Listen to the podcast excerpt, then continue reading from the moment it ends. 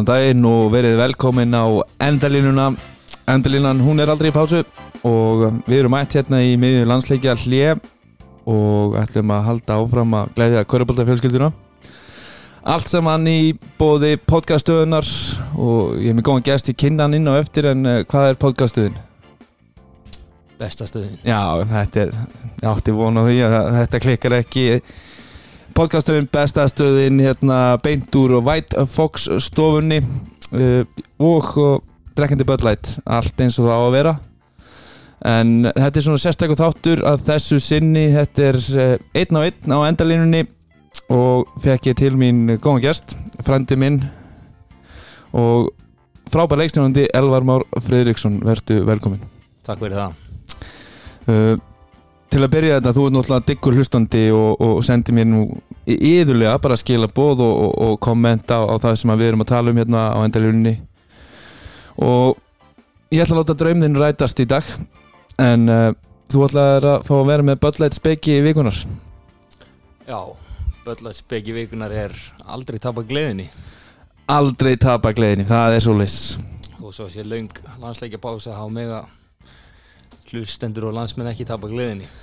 Nei, það er bara nöðsynlegt það er alltaf nóg körubólti og nóg um að tala og hérna, við kannski koma aðeins inn á til dæmis byggarúslitin sem voru um liðina helgi en við óskum bara stjórninu og skallangrimskonum innilega til hamingjum með titlana þar. Við höfum eftir að gera það upp hérna á endalínunni með okkar svona fulla line-upi þá verða Dóri og, og Gunni komnir tilbaka og, og allt aftur ættum við að fá til okkur góða gesti hérna í framhaldinu þannig að það er nóg, nóg á döfunni en í dag þá ætlum við svona að fá ræða við þig Elvar uh, um bara svona þinn feril.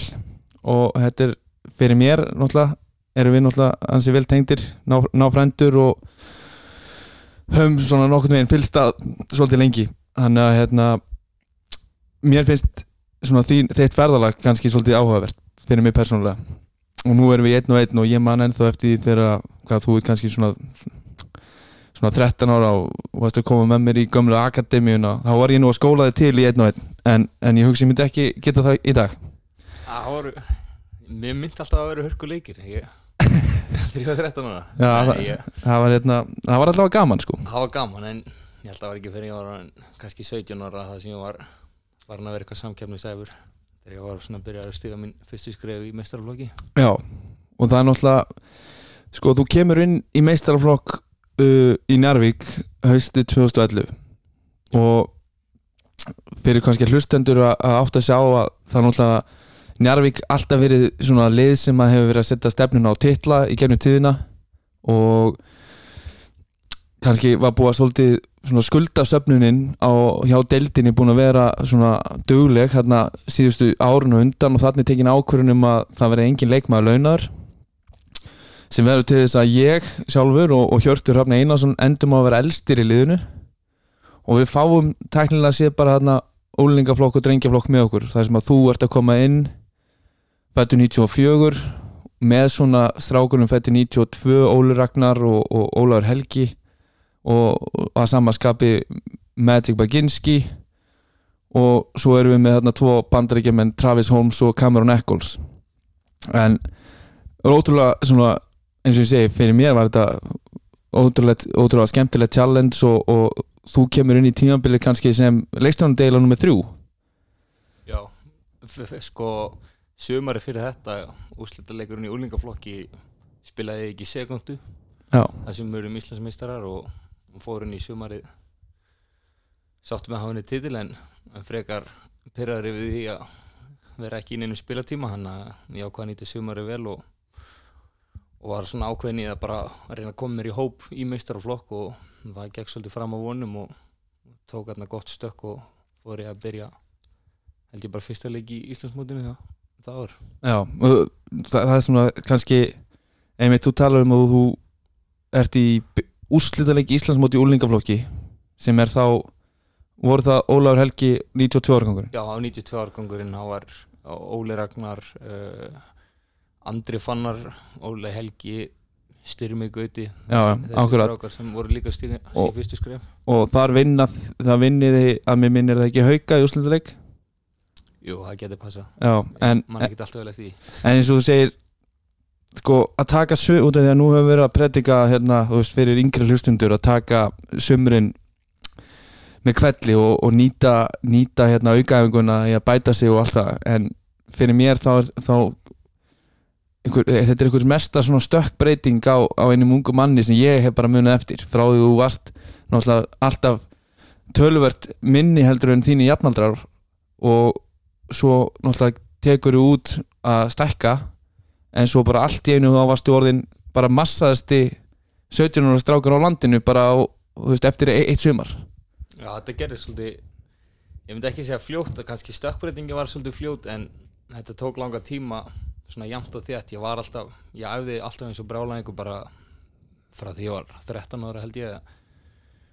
Og svona í kringu 17 ára þá svona allt í hennu kom þessi kipur sem ég var alltaf að býða eftir svona vaksta kipur og ég held að svona þraut segjan bara halda alltaf áfram og ekki alltaf vera að benda fingrum eins á þjálfarana að hann sé fíblaður ekki að spila mér að frekar leti ég eigin barm og reynda bæta það sem þurfti að gera til þess að fá að spila og, og þá endanum tókst. Já, og þú veist, bara þólimaðin einmitt og svo er þrautsegan er gott orð að þú veist eins og ég segja og, og meira þess að oft í al, aldursflokkunum kannski í kringum þig þá varst þú ekki al, al, svona oft aðal númerið Nei, svona í kringum níund og tíunda flokk. Alls ekki og ég man var valin í 16 ára landslið og var engin svona faktor þannig laðið í liðinu. Ég var held ég 11 til 12 maður og svo svo árið eftir þá var ég held ég eini einn af tveimur eða þreimur úr 94 ára kongnum sem var ekki valin í 93 landslið. Já, og það var líka svolítið sárt og þannig að það bara kvartum hann ennþá meira. Til því að komast á svona þann stall með, með heinu leikmannum þannig að þannig að ég sé ekki eftir að hafa lagt svona miklu í þetta og kannski tekið mótleitunum svona vel. Akkurat. En eins og ég á þessu tímambili þá kemur við inn sem þriðji leikstjónandi svona held ég að Einar Átni hafi hugsað það til að byrja með. Og, og ég sjálfur og Óli Ragnar vorum kannski í leikstjónandi 1 og 2 svona fyrir tímambilið svo lendum við báður í því að- að að meiðast uh, hérna, bara í prísi svona nánast. Og þú kemur inn og það er nánast bara hægt að segja að eftir það ertu ekkert búin að horfa tilbaka. Þú tókst tækifærið nánast um leið og síndir að þú ætlaði þér að fá að vera á stóra sinni Já, algjörlega. Var, ég held að ég hafi ekki getið verið heppnari með svona situation.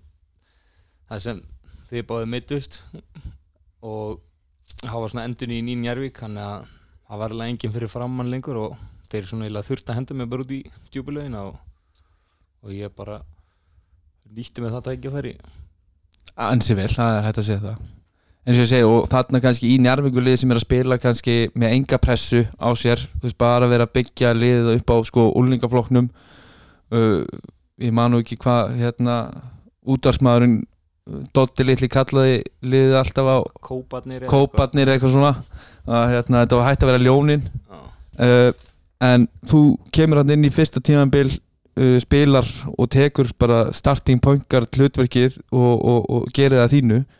Endar með 11,7 stiga meðatali og svo eftir það þá var náttúrulega eiginlega bara framhald á, á, á því næstu tvö árin í Njarvík þar sem að þið náið alltaf lengra og lengra og endið að fara hann hvað, tvö ári röðu það ekki undanúslitt Jú, og endur svo seinast árum í 2014 að fara í ottaleg við Grindavík. Við Grindavík. Ég held við vorum í ottaleg líka við Snæfell árin áður þannig að við fórum í tvo ottaleg í undurnúslitum að með minnir.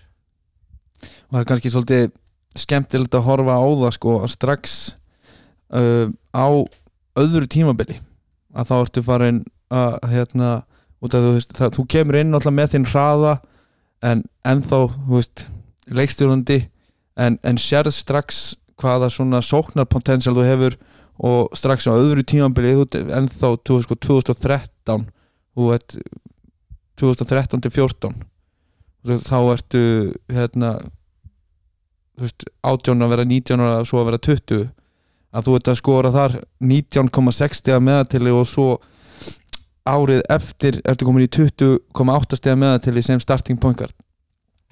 Uh, það sem ég horfi á og núna við kannski tölum um það aðeins aftur og eftir þegar við förum aðeins inn á íslensku deildinni en uh, það situationið og aðstæðunar sem að þú sem að þú segir eins og þú segir sjálfur að þú teppin að komast inn í Njarvík á þessum tíma uh, og svona nánast hlutinni detta bara fyrir því þannig að þú, þú, þú þarft bara að vera nóg og sterkur, það var engin annar þetta var bara þitt, þitt tækifærið og, og þú nýtti það vel.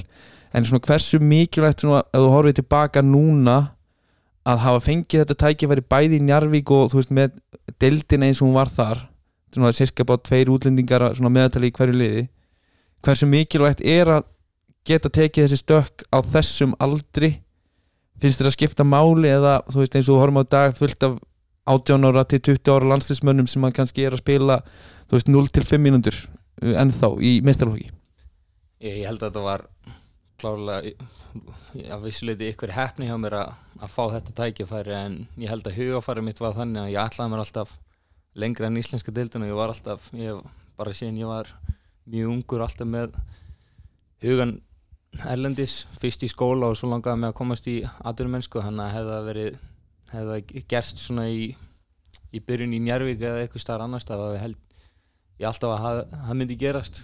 Því bara hugafæri var þannig og ég held eins og með leikmunni í dag þeir sem, þeir sem ætla sér út og ætla sér virkilega ég held alltaf að þeir fái tækifæri. Ég held þó, sé, þó svo að það séu komnir ykkur í fleiri útlendingar þá er kannski ekki eins tækifæri en þá munir þeir alltaf fá tækifæri og, og endanum skilur það sér út. Eins og með leikmunni eins og bara Þóri sem skilaði sér til Nebraska. Hann var í stútfullu káurlið mm -hmm. en ég held að hugafarið hans var bara svipað á mitt og ætlaði sér alltaf lengra og, og hann nýtti sér bara þær myndu sem hann fekk og, og líka bara æfingarnar að fá að æfa með þessum, þessum betri leikmönum hann greinlega bætti sér bara með hverju árinu og, og er komin á risapall í dag. Akkurat. Og þú veist kannski og þú getur hort á að svona eldri yngri flokka árum þá þú og þú ætti að tala um Þórir sem var alltaf kannski í sínum árgangi svolítið stjarnabræði frá því að hann var bara tí ára.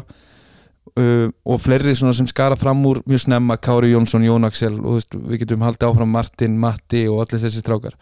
Uh, en eins og ég segi kannski hversu mikilvægt ef þú horfið tilbaka á það að þú hefði fengið til dæmis þrjú ár í Njarvík á aldurspilinu 16-19 ára þar sem að þú ert aða leikstjóndin og færð að þróa þinn leik á, veist, hæsta levelin á Íslandi í heil þrjú tímanbil áður en þú ferð til Ameríku hversu mikilvægt er það fyrir uh, svona bara sem leikmaður og sem leiðtói að geta komið inn í prógrami í bandaríkunum verðandi búin að upplöfa svona þrjú ári stóru hlutur ekki Ég held að það sé svolítið sjálfgeft að það er alveg ómetanlegt fyrir mig því að skapa sér alltaf þess að reynslu á þessum þrejum árum og vera orðið 19 ára leiðin í háskóla með þrjú ári afstöðdelt sem byrjunleis leikstjórnandi er freka gott myndi ég segja að ég var, ég var komin með mun með reynslu og maður fann það svolítið þegar við varum komin í LIU í Brooklyn.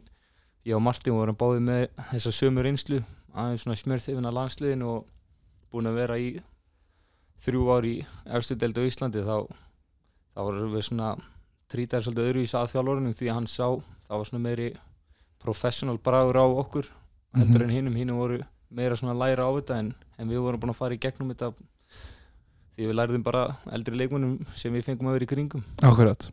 Þannig að ég held að þetta var mjög sjálfgeft og, og alveg ómöðanlegt að, fá þetta tækifæri.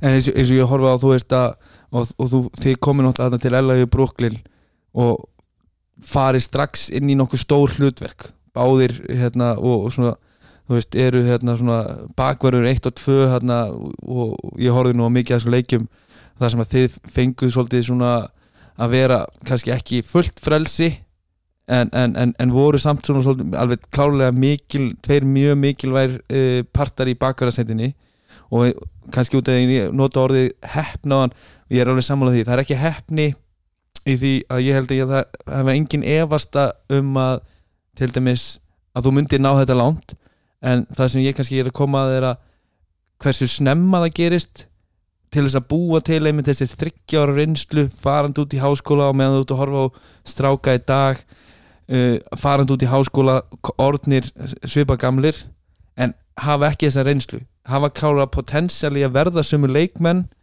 en kannski fá ekki sömu tækifærin kannski fyrsta á freshmenn og sophomore árunni sín út að þeir er ekki alveg búinir að þú veist, fá alveg sömu reynslu og ábyrð í meistaralfókurum hérna heima? Já, algjörlega, það er, það er margi skóla sem yfirleitt spila ekkit á freshmenninu sínum á, hérna, nema þeir séu bara top 100 í bandaríkjunum. Mm. en við fórum, við, þetta var ekkit svo stór skóli sem LAU var. Þannig að ég held að þjálfarinn hafi séð bara strax hvað sé svona þroskar leikmenn við vorum heldur en heldur en hérna hinn í kannanir og svo kannski hjálpa okkur að við vorum 5-3 árum eldri en leikmennin sem voru á fyrsta ári líka þannig að við vorum á svipiðu reiki og þeir sem voru á þriðja og fjórða ári þannig að við við fengum að stíga inn í fyrsta og annan hérna leikstjórnanda saman og spilum held ég eitthvað kringu 30 myndur á leik og það fór ekkert alltaf vel í í, í leysfélag okkar því ég held að það sé ekkert venjun að. Að hérna leikmann á fyrsta ári fá svona mikið tækifæri sko. En þið farið þarna, náttúrulega æsku vinir uh, og búin að hérna, vera að spila móti hverjum alla ykkar tíð í korfuboltunum hérna heima farið þarna saman út til LIU Brooklyn og eins og þú segir, þú ert að average þarna just bara rétt tæplega 30 myndur á leik hvernig var svona þetta fyrsta ár uh, náttúrulega miklar, ég man eftir það náttúrulega auðvitað miklar vonir og miklir draumar uh, hvernig var svona þetta fyrsta ár að, að standast væntingar?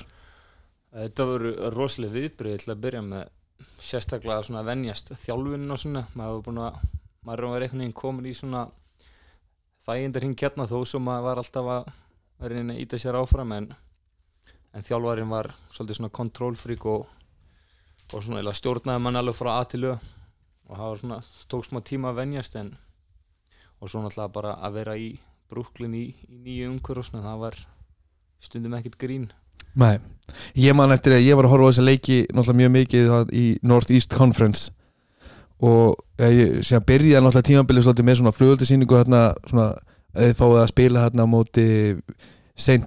Joe's eða ekki St. Joe's og við Og- byrjum á St. John's og svo St. Joe's sem margir NBA-leikmenn hafa komið þaðan og spilaði ekki á móti Temple líka jú, Temple og Stony Brook og það voru alls konar skólararnir kringum New York sem eru svona stærsti skólarnir. Já, og, voru að spila þarna leiki í, í, í, á heimavelli Brooklyn Nets. Já, og spilum einn í, í Madison Square Garden þannig að við fengum svona máta okkur á við stærstu liðin svona til að byrja með og við vorum gerum ekki alltaf vel þarna til að byrja með og ég man það fór ekki alltaf vel í þjálfórin en, en ég hérna ég og Martin sluppum svolítið vel við alla gaggrina það sem við vorum á fyrsta ári og mann ætlaði til kannski meira af hinnu leikmannunum Já, en, en í, í það sem ég svona fyrir þig sem leikstjónda að þú talar um svona control freak ég man eftir sérstaklega svona þegar þú kom inn í setnáleik þegar þeir eru að sækja svona öfu á körfu ha, ha, hann vildi stjórna nánast bara hver, hver einasta play. Já, maður er alltaf að kannski vera að pressa maður full af öll og maður er samt þar að horfa til hliðar og sjá hvað playþjólarinn er að kalla og þannig að það var svolítið, tók smá tíma að venjast í snæðan fyrir ég var vannur sem hraða leik bara að geta keirt upp og, og fa farið beint inn í eitthvað kerfi þannig að, mm -hmm. að það var svona svolítið viðbriði Þið farið uh, í hvað úrslita leikið það ekki í konferensinu þarna móti Nei, við fórum í, við duttum út í áttalega úrslutum á móti St. Francis á þeirra, á þeirra heimavelli? Á þeirra heima Já. Gunnar Ólafs og félagum Já, ég horfði á þann leik. Á hörkuleikur. Já, rétt töpuðum bara í lokin og, en þeir voru, þeir töpuðu svo í úrslutaleik held ég að þeir voru líklega besta liðið þetta ári Já.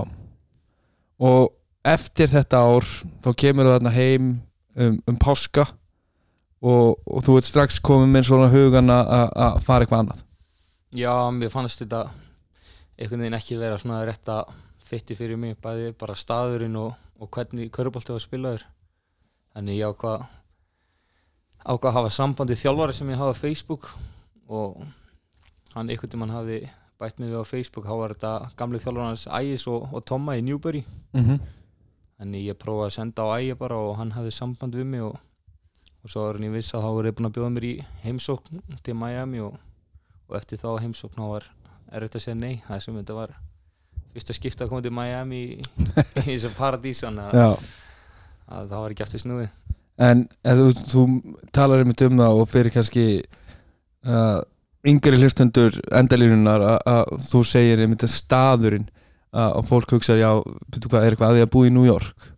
En eins og ég segi, haustið var kannski og mjög spennandi náttúrulega flytja til New York og, og allt en svo þegar veturinn kemur á og þeir eru hann í Brooklyn og náttúrulega bara, þú veist, álægið mikið æfingar skóli að, að þá er þetta aðeins minna fancy Já, líka bara þegar þú ferði í heimsóknarna þá, þá takaði þeir manna á, þú veist, alla bestu veitingastæðina og sína þeir hérna Barclays Center og Madison Square Garden og taka á Manhattan og, og taka svona basic turistarhing og þú ert alveg heitlaður að borginni mm -hmm. en svo ertu kannski bara fastur inn á einhverju dormi og verðt í sömu rútinu frá 6 um mótanum til 8 kvöldin og verð svo að læra það, eftir það og skýtkalt og skítkalt. Þetta þetta var einhver vesti vetur líka í mörg ár í Brooklyn þegar við vorum hann að það var ekkert rosalega heillandi en, en samt svona eftir á nokkur árum eftir á þá, þá saknaði þess að vera í Brooklyn sko, mér finnst það mjög, mjög góðu tíma en,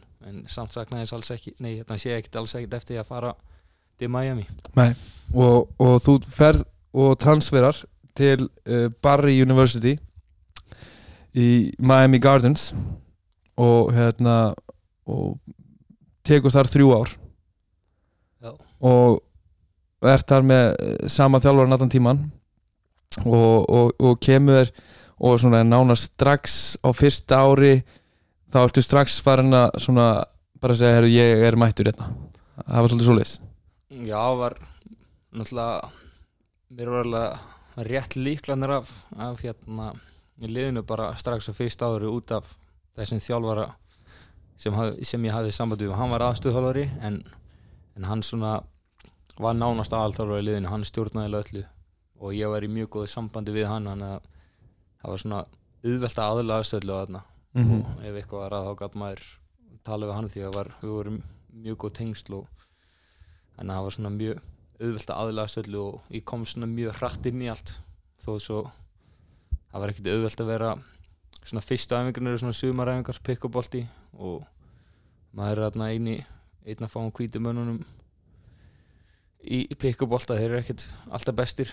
Nei, þannig að það gæti verið svolítið erfitt en svo leið og það kom smá system á þetta þá, þá sást augljóslega getur munir já og þú ert þarna á fyrsta ári að spila með uh, kannski svona aðaleikmaður liðsins var hann ekki, va- Júnió Baruetta hann var valinn uh, leikmaður ásins í deildinni eða ekki þetta ár? Jú, hann var, hann var leikmaður ásins það ár og, og var bara frábær þar og hann dró okkur eða svona stigalega séð. Sá, ég það ár var ég meira bara svona pass first point guard var með eitthvað tíu stig en en ég held að ég var með eitthvað kringum 8,5 stóðsendingar að meðaltali þannig að gat, gefið mikið á hann. Þú ert með þarna, setur 8,1 stóðsendingu að meðatæli og ert að skora 10,8 stig. Uh, Brýtur met í skólanum. Eða ekki, setur uh, nýtt met fyrir stóðsendingar á einu ári 267 stykki. Jú, og ert hæstur í NCAA yfir allan háskólabolt í bandaríkjunum yfir flesta stóðsendingur leik, var það ekki? allavega Division 2, ég er ekki viss með Division 1 þannig að ég er fekk allavega eitthvað plagg með Division 2 þannig að með ég, Division 2 já. já, ég veit ekki með Division 1 og þetta árið þá fa- endið þið á að uh, þið vinnið uh, Conference Championship ekki satt, eða töpuðu þið þar úrslutareiknum við unnum regular season, töpuðum í úrslutaleik í Conference Championship en svo, og það á móti Eckert? Það árið það já, Já. en svo förum við í sagt regional tournament sem er bara NCAA tournamenti og vinnum kallað Southern Region. Þannig að við förum allar leið í áttalega úrslit það árið. Og þar ferðu- ferðust allar leið til Texas? Og fórum við til Frisco. Frisco, Texas. Og, og hérna svo kemur við inn í árunum með tvö og þá er Júnió bara og þetta farin búin að útskrifast. Og þá eru þið svona þríegi þú, Danin eh, Knái Daniel Mortensen og Adrian González.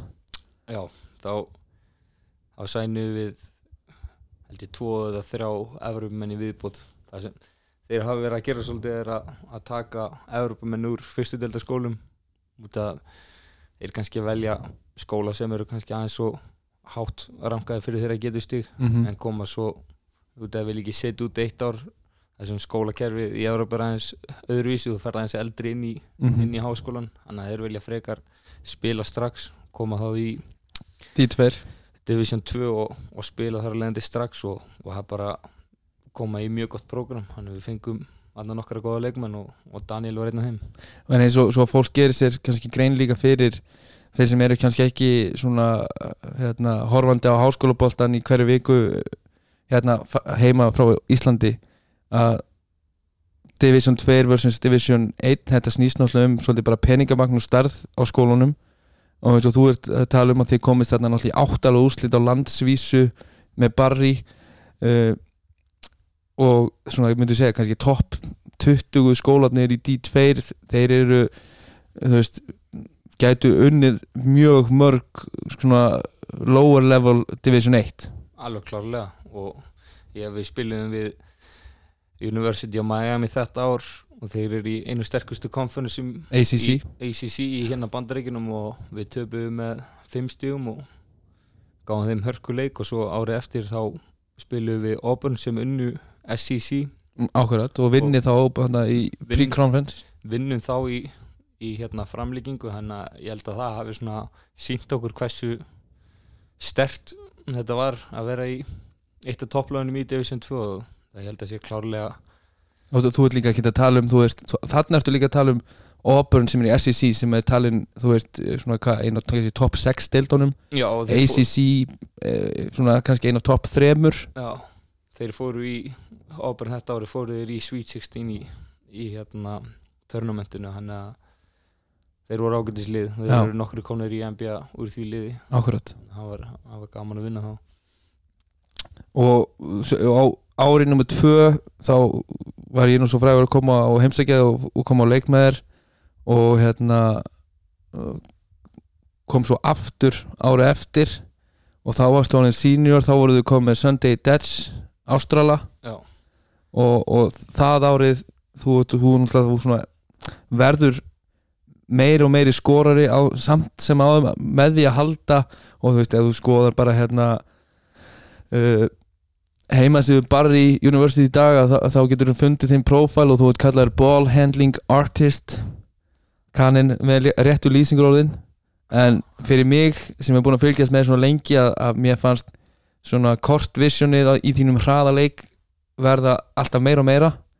Og kannski ekki með jafn, svona mikið dominant skorara með þér eins og júni og fyrsta árið en þú var samt að finna þá þú veist kannski myndi, ég segja minna skild leikmenn oft veist, eins og þessa hérna, austur Evropabúa inn í teig sem voru að, að græða mikið á, á, á, á þér á, á dræfinu og, og no-look sendingin var orðin svona veist, mun betri heldur en ég bara myndi eftir sko. Já, það var orðið svona svolítið mitt treytmark þarna, það var stundum ofauðvelt að plata á með að horfa í einu áttinu og gefa í aðra. Þeir voru byrjað að gera grína þessu æfingum Þú- ég náði ekki að plata liðsfélag mína lengur. Nei, þú þyrfti kannski hérna að, að, að þú kemur heim í sumafrí að þú séð að Brynja Björnsson með svona skotþjálfun að þú verður með svona no-look námseg það getur bara bætti við skottþjálfum að Brynjar komið gestaþjálfari.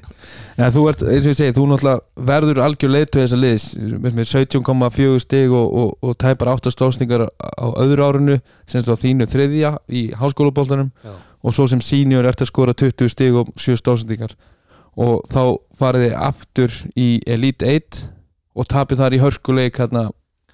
Já, við töpum með tveim stigum held ég á móti liðin sem vann svo vann svo D- D2 já. D2, ég held að ég, held að ég hafi fengið víti.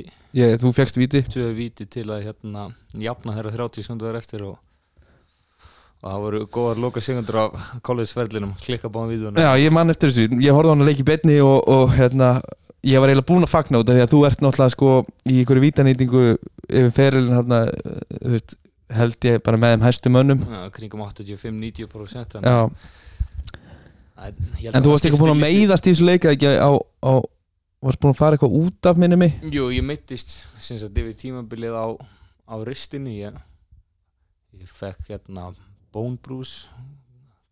Já. ég veit ekki hvað það kallast. Beinmar. Beinmar, já. Og hérna að hafa búið að plaga mig svolítið allt tímabili og svo fæ ekki akkurat högg í leiknum þannig að þetta var mögulega síðast í leikunum þannig að maður þurfti að pýna sig í gegnum það en ég held að það hafi ekkert plagað mig í vítinu. Það var bara það var rúglega einbyrninga eða stress eða gamla góða stressið. eitthvað svo leið sem hafði áhrif þar. en nú eins og ég segi, ég kom hérna á senior áruninu þá heimsæki ég þig og, og, og kem á æfingu hérna. Þannig að ég, ég mun aldrei gleyma þessar æfingu því að þjálfariðin hvað, hvað heitir hann? Bu- Butchestis Já, Boots Estes. Hann tók eitthvað, eitthvað svakalegasta ape shit sko og gjörsanlega raunaði yfir allt liðið utan þig. Á æfingunni sem ég mætti á. Það var eitthvað, það var verið að spila þarna á eina körfu og svo eitthvað, svo eitthvað smá fram og tilbaka og það voru þarna svona alls konar menn sem voru svona eitthvað að reyna kannski að vinna sér mínútur og, veist, og fólk kannski átta sig ekki á aganum sem er í háskólabóltanum að menn eru kannski með mun svona skilgreindari hlutverk heldur en hérna heima. Uh, en þú eins og þú segir varst með liklan af uh, bara húsinu og slottinu og öllum skólanum og varst maðurinn og áttir á stjórnarhlutunum.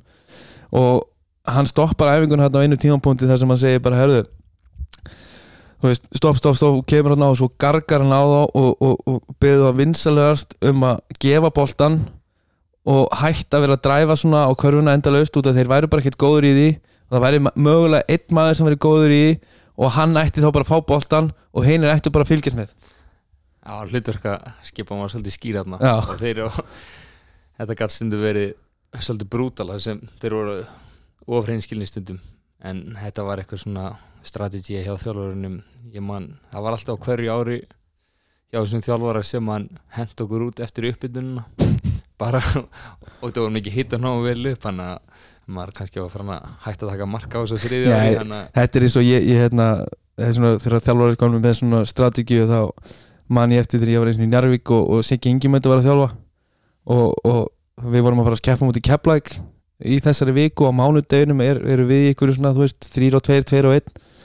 Og hann allt í einu stoppar og, og sparkar boltanum upp í stúku og segir okkur að hlaupa bara þá til hann segir okkur að hætta að hlaupa og allir bara ykkur í panik bara, hæ? Svo kemur Maggi Gunn og sem er búin að vera með henni svo mörg ár hætti að stressa ykkur á sig hann gerir þetta alltaf í dag svona vikunni fyrir svona stóra leiki.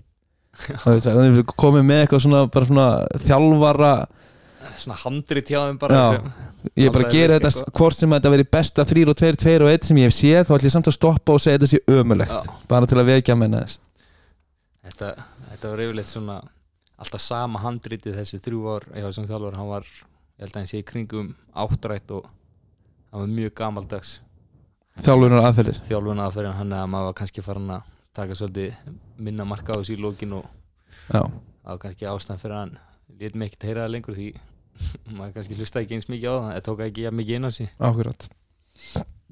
En þrjú ár í, í Sunshine State Conference hjá Barry setni tvö árin ertu valin leikmaður ásins í Sunshine State Conference og anna árið ertu þú ert valin leikmaður Southern Region Jú, það getur passa ég var ekki alveg, þú ert búin að gleyma öllum þessum viðurkenningum bandar ekki með veit náttúrulega fleiri viðurkenningar heldur en kannski fólk vanalega. Það kom alls konar eitthvað svona Ma, ég er hérna með hérna út sko, auka viðkynningar sem maður feriliðin hérna í barri sko, veist, þetta, er, þetta er bara hérna, þrjú blöð veist, bara veist, það er allir sem að veita viðurkenningar.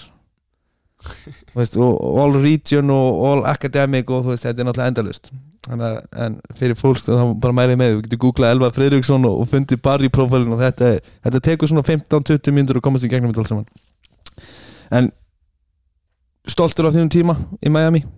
Já, mjög bara ánægð með þetta skref og að hafa farið þanga ég kynntist endalust af góðum vinnum og, og átti bara mjög góðan tíma í Miami sem þetta er bara eins og að vera í paradís. Það er bara svo list og mann er svolítið kipt nýra jörðina þegar maður kom svo aftur heim eftir eftir þrjú ár í Miami. Já, þetta er öðruvísi, öðruvísi heimur. En Beint eftir skóla þá uh, semur þú síðan sem atvinnumæður uh, við Dena inn í Fraklandi og, og þú og Eikoks farið þar saman. Uh, Hvernig svona myndur þú lýsa þeim tíma hana Pro B og eins og við, við höfum verið að tala um að við erum að sjá leikmenn svo, sem koma til Íslands uh, til dæmis eins og Frank Aron Búker spilar í Pro B og stendur sér vel svo er hann komið til Íslands og þú veist það er ekki hægt að segja hann að sé búin að standa sig illa en hann heldur ekki búin að þú horfir ekki kannski á hann sem topp 20 leikmann í deildinni? Nei, að- ég held bara að þetta sé svo mikið um bara að hitta á aðstæður sem henda þér. Saman hvort það sé í, í góðri deild eða slæmri deild en, en ég held að Pro B var svolítið svona fysikal deild sem kannski hendaði mér ekkert alltaf vel þarna til, a, til að byrja hérna atvinnumannaferli minn á og ég var svolítið mikið bara að koma boltanum upp stilla upp í kerfu og hlaupa svo út í hotn og bara býða þar þá til að sóknu að búin Já. Sem er kannski og, og allir sem að þekkja því sem leikmann þá er það ekki eins og ég myndi allavega nota þið persónulega sem þjálfari. Nei, að kannski nýttist ekki styrkleikinu mínir í, í því hann að svona smátt og smátt fór sjálfströst að minka sem á kannski ekki vanir svona hlutverki og, og þar að leiðandi bara endaði maður einhvern veginn út í hotni og, og fór að líða illa að vera, að vera þarna og, og, og allt fór að ganga illa þannig að ég held að þetta sé miklu meira spurningum svona aðstæðinu sem við hittir á. Ég geti það svona hitt á annar liðarna í, í Próbi og Frakland og, og staðið mig vel og ég hefði gert á Íslandi sko. Akkurat, þetta er eins og ég segi mikilvæg að vera í hvort sem það er háskólaprógram eða atvinnumannulega að vera í réttu prógrami sem að henda þér og leikstílinn svona komplementar styrkleikana og, og, og allt fínlíkt en þú og Eikoks báðir farið þarna um haustið og komið síðan báðir heim. Og það er alltaf frækt viðtalið við Eikoks þar sem hann eh, er að tala um það hérna uh, var það ekki Eikoks sem að sagði að frekar en þú að talaði engin ennsku Já, það sagði að vera bara lítill bær og, og töluð fáir ennsku og það fór mjög illa fyrir brjóstið á, á hérna bæjastjórunum þarna og, og eiganda leysins eftir síðasta leikin kom eigandinn inn og tók í höndin á öllum og, og svona feikaði mig og Krist og þóttist ekki höndin á okkur og, og fór svona fram í okkur og tók hann, tók hann smjör? Hann tók smjör. Það- ég, mér fannst það mjög fyndið en það fór ekkit rosalega vel í minn mann Kristóður Eikóks þessum hann hann var ekki, ekki sáttu með það. Og það, það var eitthvað smá vesin að release ykkur eða ekki síðan? Já, sem sagt út af því að út af því að við áttum að hafa talað mjög illa um hennan bæ og, og ég veit ekki hvað og hvað og hann við þurftum að ég þurfti að skrifa eitthvað fyrirgefningapisti líku til að fá release hann hann að í lókin langaði bara að komast burt. Það var orðið óþægileg staða. En þið komið þess að báður heim og þú kemur í upplýðisfélagi og semur við Njarvík og spilar hvað fyrsta leikin hérna í, í november já, ég held að það var eitthvað kringu 15. nómur sem ég spilaði svo fyrsta leikin í, í Grindavík. Já og, og kemur þar inn og, og náttúrulega ert í kemur inn í hóp þar sem að hans er reynslu mikið leikstofandi fyrir Jeb Ivey og, og hópur sem að kannski þú veistu, jú, var, var búin að standa sig vel búið að vinna Keflavík í, í hörkuleik hérna sem var frægur þar sem logi klára leikin og loka sekundunum og, og hérna ert náttúrulega bara frábær viðbót við, við þennan hóp og allir horfa bara á að þetta sé lið sem getur fara að kontenta titla. Uh, það er kannski allir myndi ég held að sem að er að hlusta þennan þátt uh, kannski vel muna vel eftir tíumbilinni fyrra því farum náttúrulega allavega í byggarúslit þar sem að við lútum í læra hæra um til stjórnunni í, í hörkuleik. Mm -hmm. uh, og svo náttúrulega vombriðin í úrslitkeppninni á móti íjar hvernig svona eftir á séð myndur þú gera upp síðasta tíðanbill svona bara sem uh, kannski meira að hugsa sem einstaklingu frekar en, en njarvíkingur Eh, Ég held að þetta er náttúrulega alltaf öðruvísi tímbili hefði byrjað tímbili í Njárvík þá held ég að liðið, er, liðið hefði verið byggt öðruvísi. Já, náttúrulega ekki, líklega ekki með sama kana þá en, en fyrst að ég kom í november þá svona leið mér smá eins og með að vera að vera þröngum mér aðeins inn. Já. Og það er, það er allavega eins og ég hef heyrt að, að þegar þú kemur inn að þá segir þú eða ekki svona þannilega að þú horfir á þig sem viðbót við liðið og þú sért svona svolítið þú, veist, þú viljir ekki vera breytaninu allavega á þeim tímapunkti. Já, algjörlega, ég ætlaði svona að reyna að koma mér þannig inn og því það voru náttúrulega, þeir voru bara gott liðarna og voru með nánast fullskipa lið þannig að það er erfitt að koma inn og, og samt er ég að spila ykkurar 30 mínútur þannig að ég er auðvitað að raska helling til fyrir aðra leikmenn. En mér fannst þetta svona ganga til að byrja með en svo svona fóru veikleikandir að að skýna eins betur í lokin eins og, eins og sást bara í úrsluti keppni þegar við vorum og vorum ekki með þetta jafnvægi sem við þurftum fannst en, en svona við vorum mjög góðið fram að byggur úrsluti leikfannst mér. Þannig við fengum gott högg þar og svo spiluðum við held ég stjórnina um deildamistartillinni held ég bara Já, bara næst- stu, já, bara mjög, já, mjög stuttu eftir í þessum fræga leik þar sem að Mario fær teknivilluna Já, við vorum, við vorum með yfirhundin í þeim leik og eftir það var svona svolítið viðsnunningur og, og eftir að hafa tapað því það var svona, fannst mér svona rótökið á tímabilinu, þá voru við þá var hvernig náðum við aldrei aftur sjó eftir það. Nei, náðu ekki svona að sína sama, sama svona hörkuleik og svona sama spiritið eins og ég segi, það er svona rótök Já, þetta var bara rótök á, á tímabilinu en það voru svona hellingaleikin sem við tókum sem við unnum bara á og loka sprettinum yfir tímabilið sem við vorum bara alls ekki góðir í og þannig að við svona íttum veikleikanum svolítið út í hotn þannig að ég held að það hafi ekkert verið alltaf gott og svo í play-offs voru við svolítið expósaðir bara með, með veikleikan okkar. Þannig að það voru klárlega vombriði og hefði maður gert þetta aftur hefði maður kannski eh, gert eitthvað öðru í síðan en maður lifur og lærir. Maður lifur lærið, þú ert náttúrulega kemur eins og ég segi þarna inn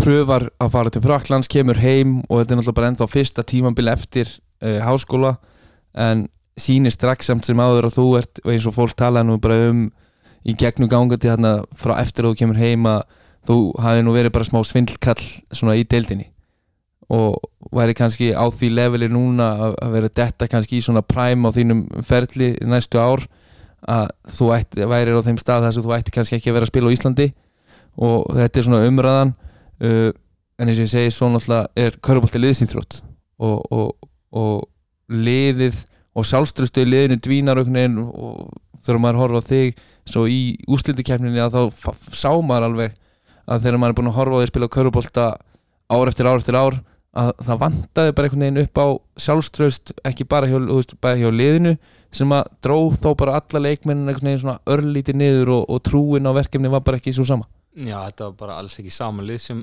var í, í hérna úsliti keppninni.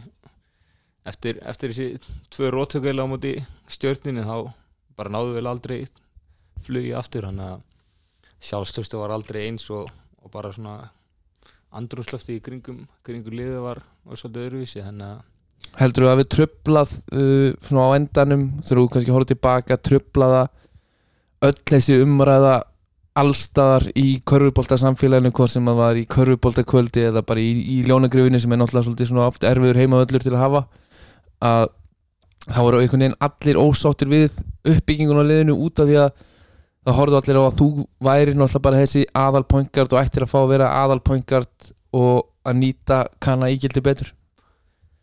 Uh, ég veit ekki hvort að umræðan hafi eitthvað tröfla okkur en, en ég, ég persónulega held að að þetta svona, þessar aðstæðar hafi klálega tröfla okkur eitthvað en ég held að við værum betur setti með aðeins öðruvísi ígildi í, í kana svona allavega að hugsa eftir á.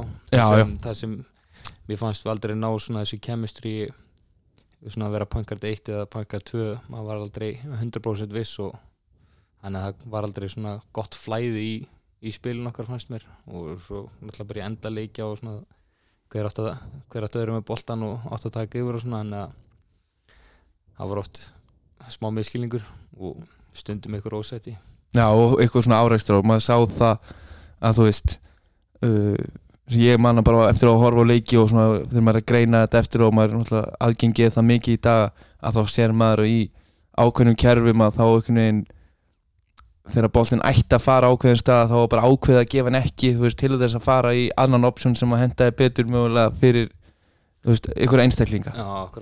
Þannig að að það var, þetta var kannski var þetta orð- orðið um ykkur samkefni innan liðsin sem var okkur að falli en, en maður veit ekki, þetta var alltaf mjög súr endir á á skemmtilegu tímabilið þannig lag. Þegar minna okkur gekk vel svona framan af. Við vorum hörku góðir 90% tímabilinu eins og bara var þetta playoffs akkurat. sem skemmti hansi mikið.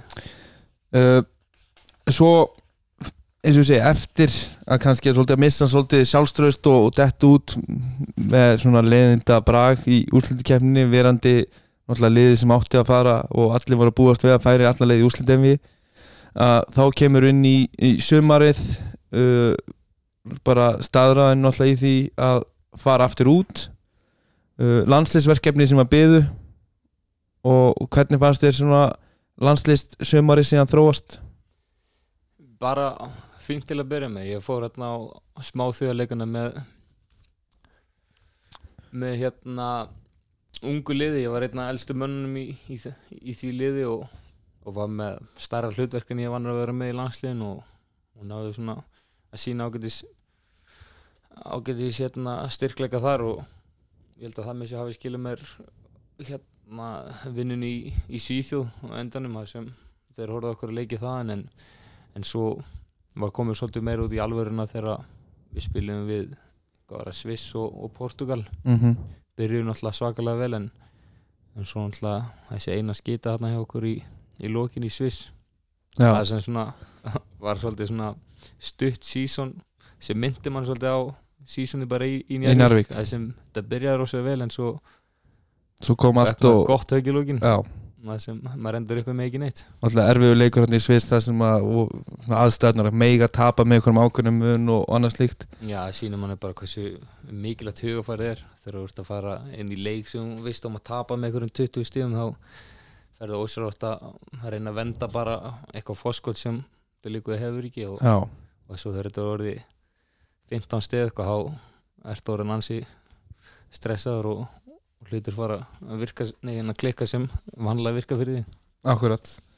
En svona kannski að landsliðinu örstutt þú ert kannski náttúrulega búin að vera og þú veist það eru ákveðin kynnslóð að skipti í liðinu eins og hefur verið mikið rætt um.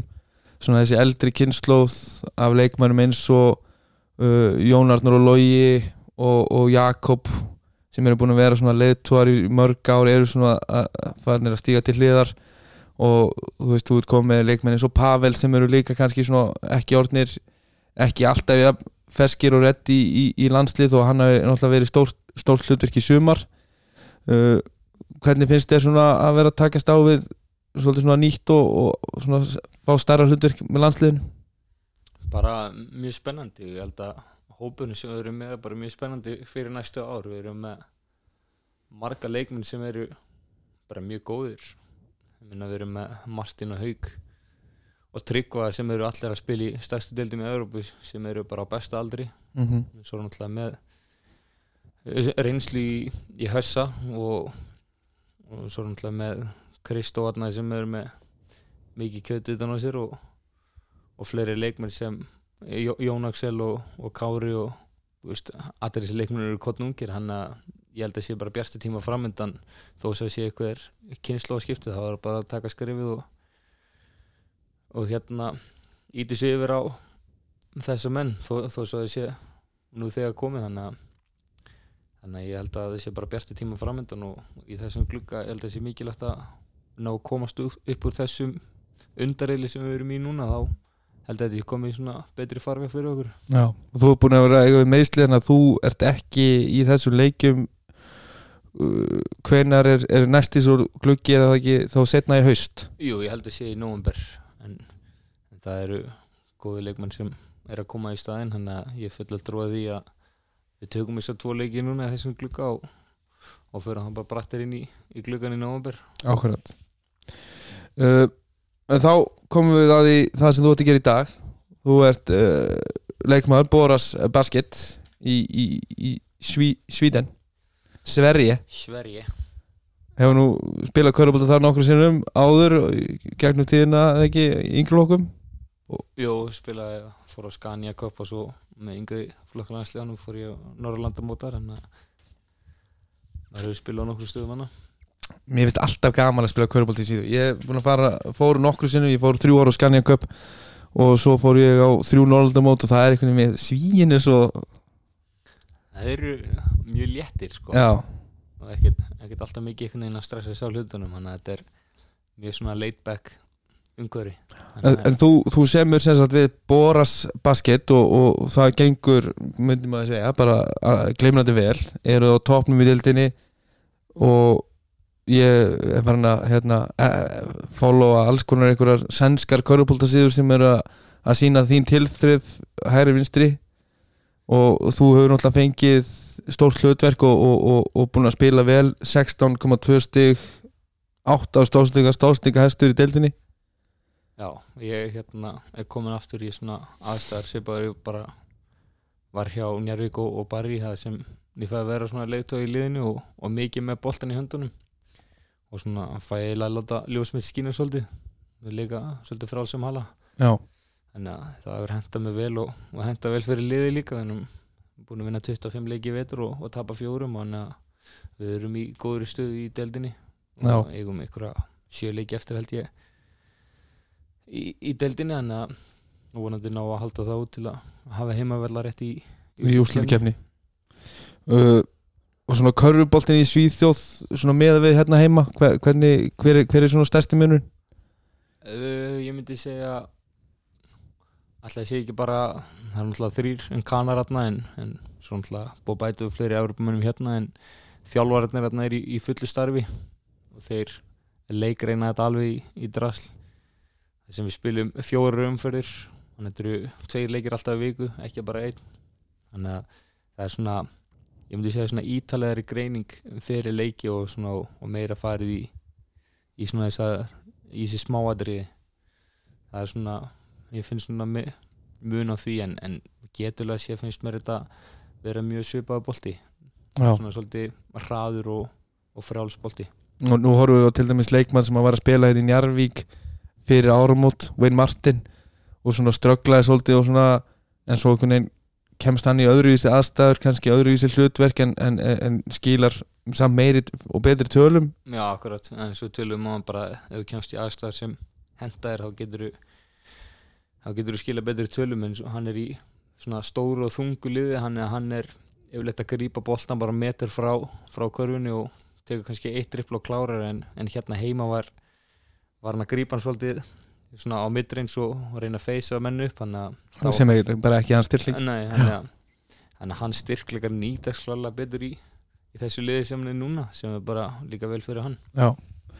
Uh, og svona uh, nú hef ég verið að sjá sko, og skoða og séð fullt af vídjum og svona og þið spilið í hansi flottur höll hérna í, í Boras.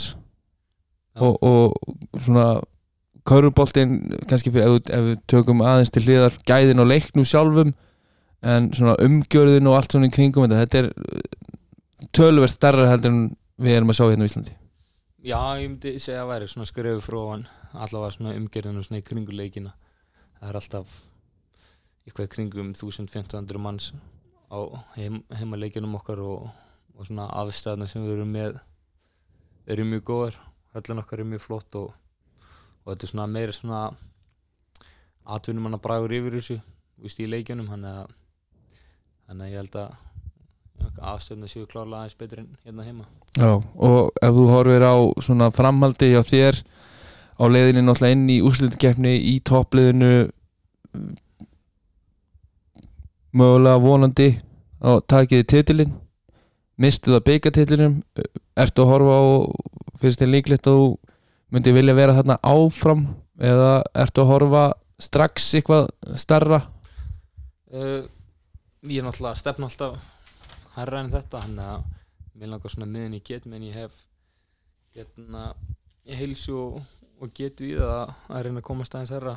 Þannig að ég stefnaði sjálfsög á næsta level og, og reyna að komast í kannski aðeins stærri dild Já, og er, er það eitthvað sem að þú veist svona fyrir fólki þeir svona í atvinnumanna heiminum þið eru að er, eru þið að æfa einu sinni á dag þarna úti í Svíþjóð eða eru þið tvær á dag? Það er náttúrulega að spila tveir leikir í viku hann að, að svona milli leikja er yfirleitt eina einhver dag en svo þegar þegar kemur aðeins lengra breyka þá eru við tveisvara dag þar sem við yfirleitt liftum saman á mótnana eða, eða skjótum og, og svo liðið sæfing á, á kvöldin. En ég myndi segja að æfingarnar eru aðeins svona harðari meira svona intensity á æfingunum hann. Er, er eitthvað svona bara létt er eitthvað að fara að gerast fyrir næsta ár strax eða er það eitthvað sem þú bara skoðar þegar þetta tímabili er búið? Nei, ekkit, ekkit þannig held ég. Ég, ég hef ekkit alltaf mikið spáð í því þannig lag bara einbytta mér á að, að klára þetta þarna vel og Já, svo veit maður aldrei hvað gerist ef að ef að hérna það kemur ekkert upp þá væri alveg til að vera þarna áfram því mér lífi mjög vel að- og bara líka vel við allt í kringum klubin þarna og, og staðurinn er mjög góður. En ég vona að komi eitthvað svona aðeins stærra upp á borðið þannig að maður geti kannski prófa að segja meira áfram og og setja bara næsta challenge. Já, komast aðeins lengra í þessu. Já uh, Þá kannski hérna svo ég bara til þess að enda þetta uh, Deildir hérna heima Ertu að fylgjast vel með? Ég fylgist nánast með öllum leikjum og hlusta svo alltaf endalínuna Ah, umferðar hann að Ég hef nú, séð það þegar hérna þú hefur verið að senda mér vídeo þegar þú ert að hlusta á frændaðin búin að setja mig á í sjónvarpinu þegar þú ert að riksu á svona um helgar. Að þegar maður gerir heimilisverkin og þá setja maður á endalinn í botn og það kemur mann í gegnum þess að dimmu daga sem eru stundum í síðu. Já, ég, ég tengi sko, ég hlusta alltaf á podcast þegar ég vasku upp sko. Já, og veist, mér finnst það örgulega leðilegst að í heiminum en, en, en einhvern veginn þá líður tíminn ræðar sko. Já klálega þannig að það er, þetta er gott til að drepa tíman og, og svo í öllum þessum rútuferðum sem við erum í þá, er gott að eiga nokkra endalínu podcast inni þannig að tökum restina þar. Og ég mæli með, þú verður að hlusta á þetta og þegar þú heyrir röttina svona í sjálfið sko, þá, þá, þá, þá verður þetta fyrst svona eitthvað spæsi mér finnst það reynda mjög óþægilegt. Ég get eða aldrei hort á viðtöl eftir mig eða, eða eitthvað svona þannig að ég reyna að pína mig í gegnum nokkra mjög Í Svíþjóð, ertu, ertu farin að veita viðtölu á sænsku eða? Nei, Nei, kannski kann, kann nokkra setningar en þetta er bróða, þetta er mikið bróða þetta er mikið bróða Já það er líka eina sem ég kann hann að En eins og ég segi, þú fylgist það vel með og hlustar á okkur hérna á, á endalunni greina þetta í hverju viku hvernig hérna svona sem Njarvíking fyrst, hvernig, hvernig líst þér á Njarvíkuli? Mér líst betra eftir að Tjas kom inn í þetta og það fóru bara í, í eitt kana Mm -hmm. það sem hann er algjör sprengja og ég held að það virki alltaf vel í deildinni hérna að hafa leikmann sem getur búið, búið til fyrir aðra. Það þeir geta alltaf líka hver einustu sók fengi opin skot þar sem hann getur sprengt miðjun á og fyndi opna leikmann og svona þannig að sóknarleikunni er mjög flottur. Þegar, þegar hann er svona að stjórna þessu fyrir það Já, en og svo náttúrulega með hérna Mario og, og Árimas sem er að koma vel inn í þetta og, og ég held að Katenda eftir að gefa þeim svona kannski öðruvísi breytti í, í stóru mennina kannski gefa aðeins meiri hæð og svona en kannski veri, hann er ekki ja, góði skotmaður og frákastur og hínu tveir en ég held að muni hjálpa svolítið til að með varnarleikinu og svona og svo náttúrulega Magic Kristín, Jónarnur, Logi allir að skila svolít hlutverki þannig að við líst vel á framaldi hjá þeim. Já. Nú, kannski fyrir tíumbilið eru káringarnir enn og aftur náttúrulega svolítið svona fólk tala þá náttúrulega mjög upp með svakalega íslenska kjarna svo náttúrulega eins og tíumbilið hefur spilast hafa þeir svolítið verið svona í dvala eins og svo oft áður svona þángu til að það er að fara að vora og, og, og stjarnan hefur verið svona besta lið svona ef þú ættir að spá fyrir núna hva, hva, hvaða lið er að fara í úslit uh, Ég held að K.R. er svolítið öðruvísi fyrir K.R. núna þeir eru náttúrulega búin að vera bara svona eða kósta þetta út þetta tímbil og ég held að þeir komið með eitthvað sprengingu í í lókin en, en ef ég ætti að spá í þetta þá myndi ég klála þess að stjarnan sem er bara besta liðið í dag að mínum mati. Þeir eru búin að sína það bara í bæði deild og, og byggar en á mótið þeim í, í úslitum myndi ég þá hef ég að verða náttúrulega segja að ég hef trúan Jærvík eða Keflæk mér finnst það er umhald að segja en mér finnst bara mjög gaman að horfa á að spila í dag. Þeir eru með bara Djúvöldi, ég tengja við það svolítið þá sko. Þeir eru bara með mjög gott lið mér finnst. Hössi verið að stýri sig ekkert smávil og, og svo eru bara með eitthvað fullkomna blöndu bara útlendingum og svo bara þessir ístendingarnir sem bara þekkja sitt hlutverk. Þannig að í því liði finnst mér svona hlutverkaskipan hvað skýrust. En ég held að það er eftir að fleita það nátt Já, það er svona, ég hugsa að það er einn af þeim pörtum sem kannski sem að einmitt getur fleitt þeim rosalega langt en það gæti líka orðið vesen ef að þú veist, ykkur ákveðnir póstar lenda í miklu ströggli sem dæmi höfum séð ef að til dæmis Milka er að detta út í kannski setnaháleik eða hvað að þá, þá vantar svona einhvern svona smá x-faktor hjá þeim eins og til dæmis bara gerðist á móti K.R. sko En- algjörlega en, en ég er sammála því þeir, þeir líta mjög vel út uh, það er náttúrulega búið að vera svolítið rætt um það og, og félaga mínir hérna í endalinni eru, hafa verið svolítið á því að, að þeir séu að fá liðstyrk Já, með, með vinn minn. Með vinn sem er núna í Sunshine State Conference. Uh, veistu hvað um það, er hann á að koma heim? Eh, Ég veit ekki alveg 100% stuðna en ég veit náttúrulega að hann verður að klára tímabilið með Florida Tech sem hann er á skólastyrk. Annars veit ég að þeir myndu bara kepa skólastyrknum tilbaka og hann þurft að ég held að hann sé í einu fæi bara í fjarnámi núna. Já, þannig að skólinn er ekki vandamál þetta er bara leiðu tífambili búið þá má, mætti hann fara. Já, og mér sýnist þér ekki vera að fara hann í úrslitu kjarnuna en að ef ég ætti að gíska á það þá þá verður hann bara mættur kannski svona 10. mars já, ef, ef ég væri hann þá myndi ég gera það fá að taka hátt í partíinu. Og gera eins og káðningarnir, bara mæti í lokinu og, og, og sérstaklega þú veist eins og núna Keflæk kannski ekki verið í svona miklum sens bara í mörg, mörg, mörg ár. Já, og ég held að hann líka hann er þannig leikmar, hann tekur ekki neitt að neinum. Hann er bara hann getur komið inn sem en backup pointcard fyrir hössa og, og stýrt þessu aðeins og, og svo geta hann þess að dottið í tvist það sem hann er góð skotmaður líka. Hann, hann er klárlega eftir að gefa þeim ennþá meiri breytt mm -hmm. ég held að það sé mjög spennandi fyrir keflinga Já. Og ef við myndum fá til þess að segja sko kannski fyrst um, hver er svona þín þú talaður svona létt um það áðan uh, fjöldi útlendinga í deildinni þú segir skiptir minna máli? Eins og fyrir fyrir unga leikmenn? Sko ég held að þeir sem ætla sér að auðvitað verður að fá ykkur tækifæri en, en þeir sem ætla sér að ná langt ná alltaf. Ná, alltaf að fá að spila í, í ykkurum félögum hérna það sem er alltaf hérna þeir býst alltaf ykkur tækifæri. Það er aldrei, ég veit ekki neitt dæmi sem það var ykkur ógeðslega efnilegur en það bara kom aldrei neitt tækifæri þannig að var ekki dúrunum út af er- þeim förum útlendingum. eins og ég horfa á þetta, þetta, kemur mest niður á þessum íslensku rullispilurum Já, klálega eins og ég var að horfa á ég fór á æfingu hann er ekki gera að horfa á og, og gæðin eru klárlega orðin meir á æfingum hann að fyrir yngri leikmenn þá ætti það bara að vera betra fyrir þá að fá betri æfingar því það er náttúrulega bara 22 leiki spilar hann að það er mikið um æfingar. Mikið um æfingar og þú græðir mikið á þeim. Það er bara, og verður að nýta þær. Algjörlega.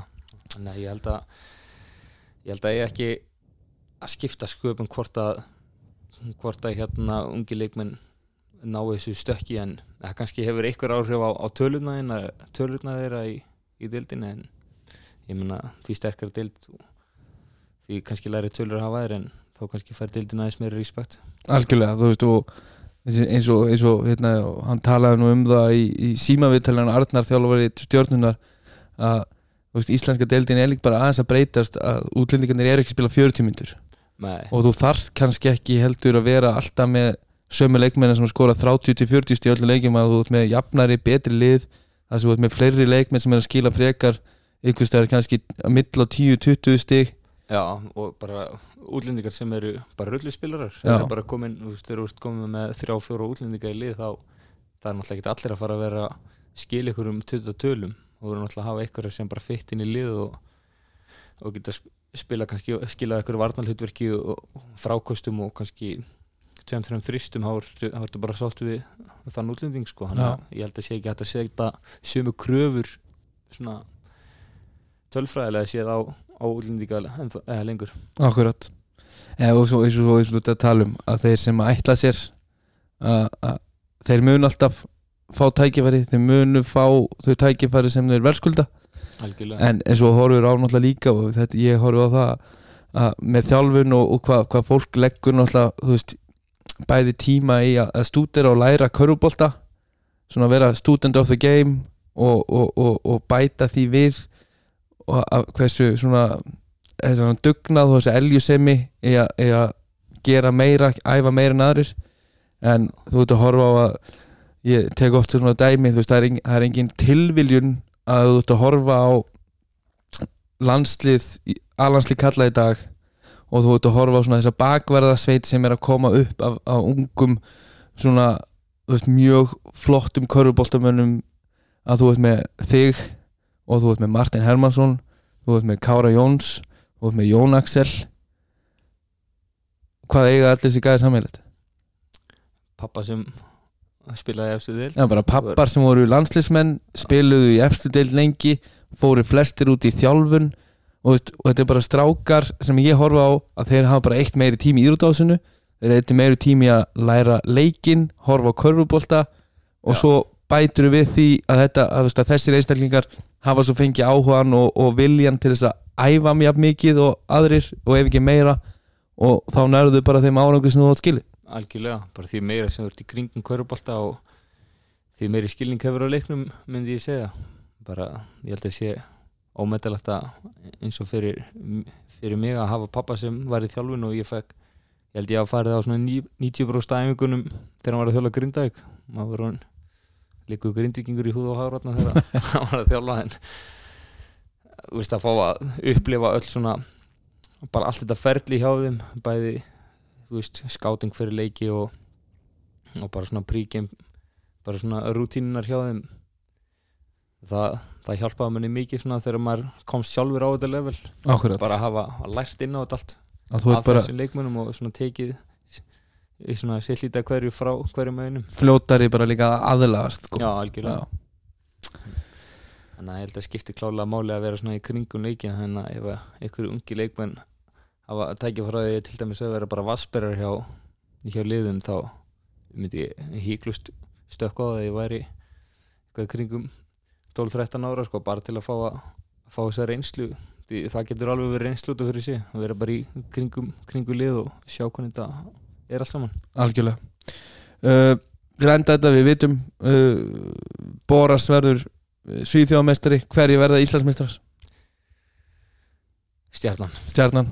Að þú ert á stjórnulegstinni, tjú-tjú bara með hérna Dóra og, og Gunna Ég ætla ekki að segja sér að lestin en þeir hafa bara þeir eru bara með ómikla breyt síðanist mér til að eitthvað lið fara að stoppa það núna. Já, þannig að þeir allavega líta best núna en svo kannski fáið róttökum sem við í fyrra.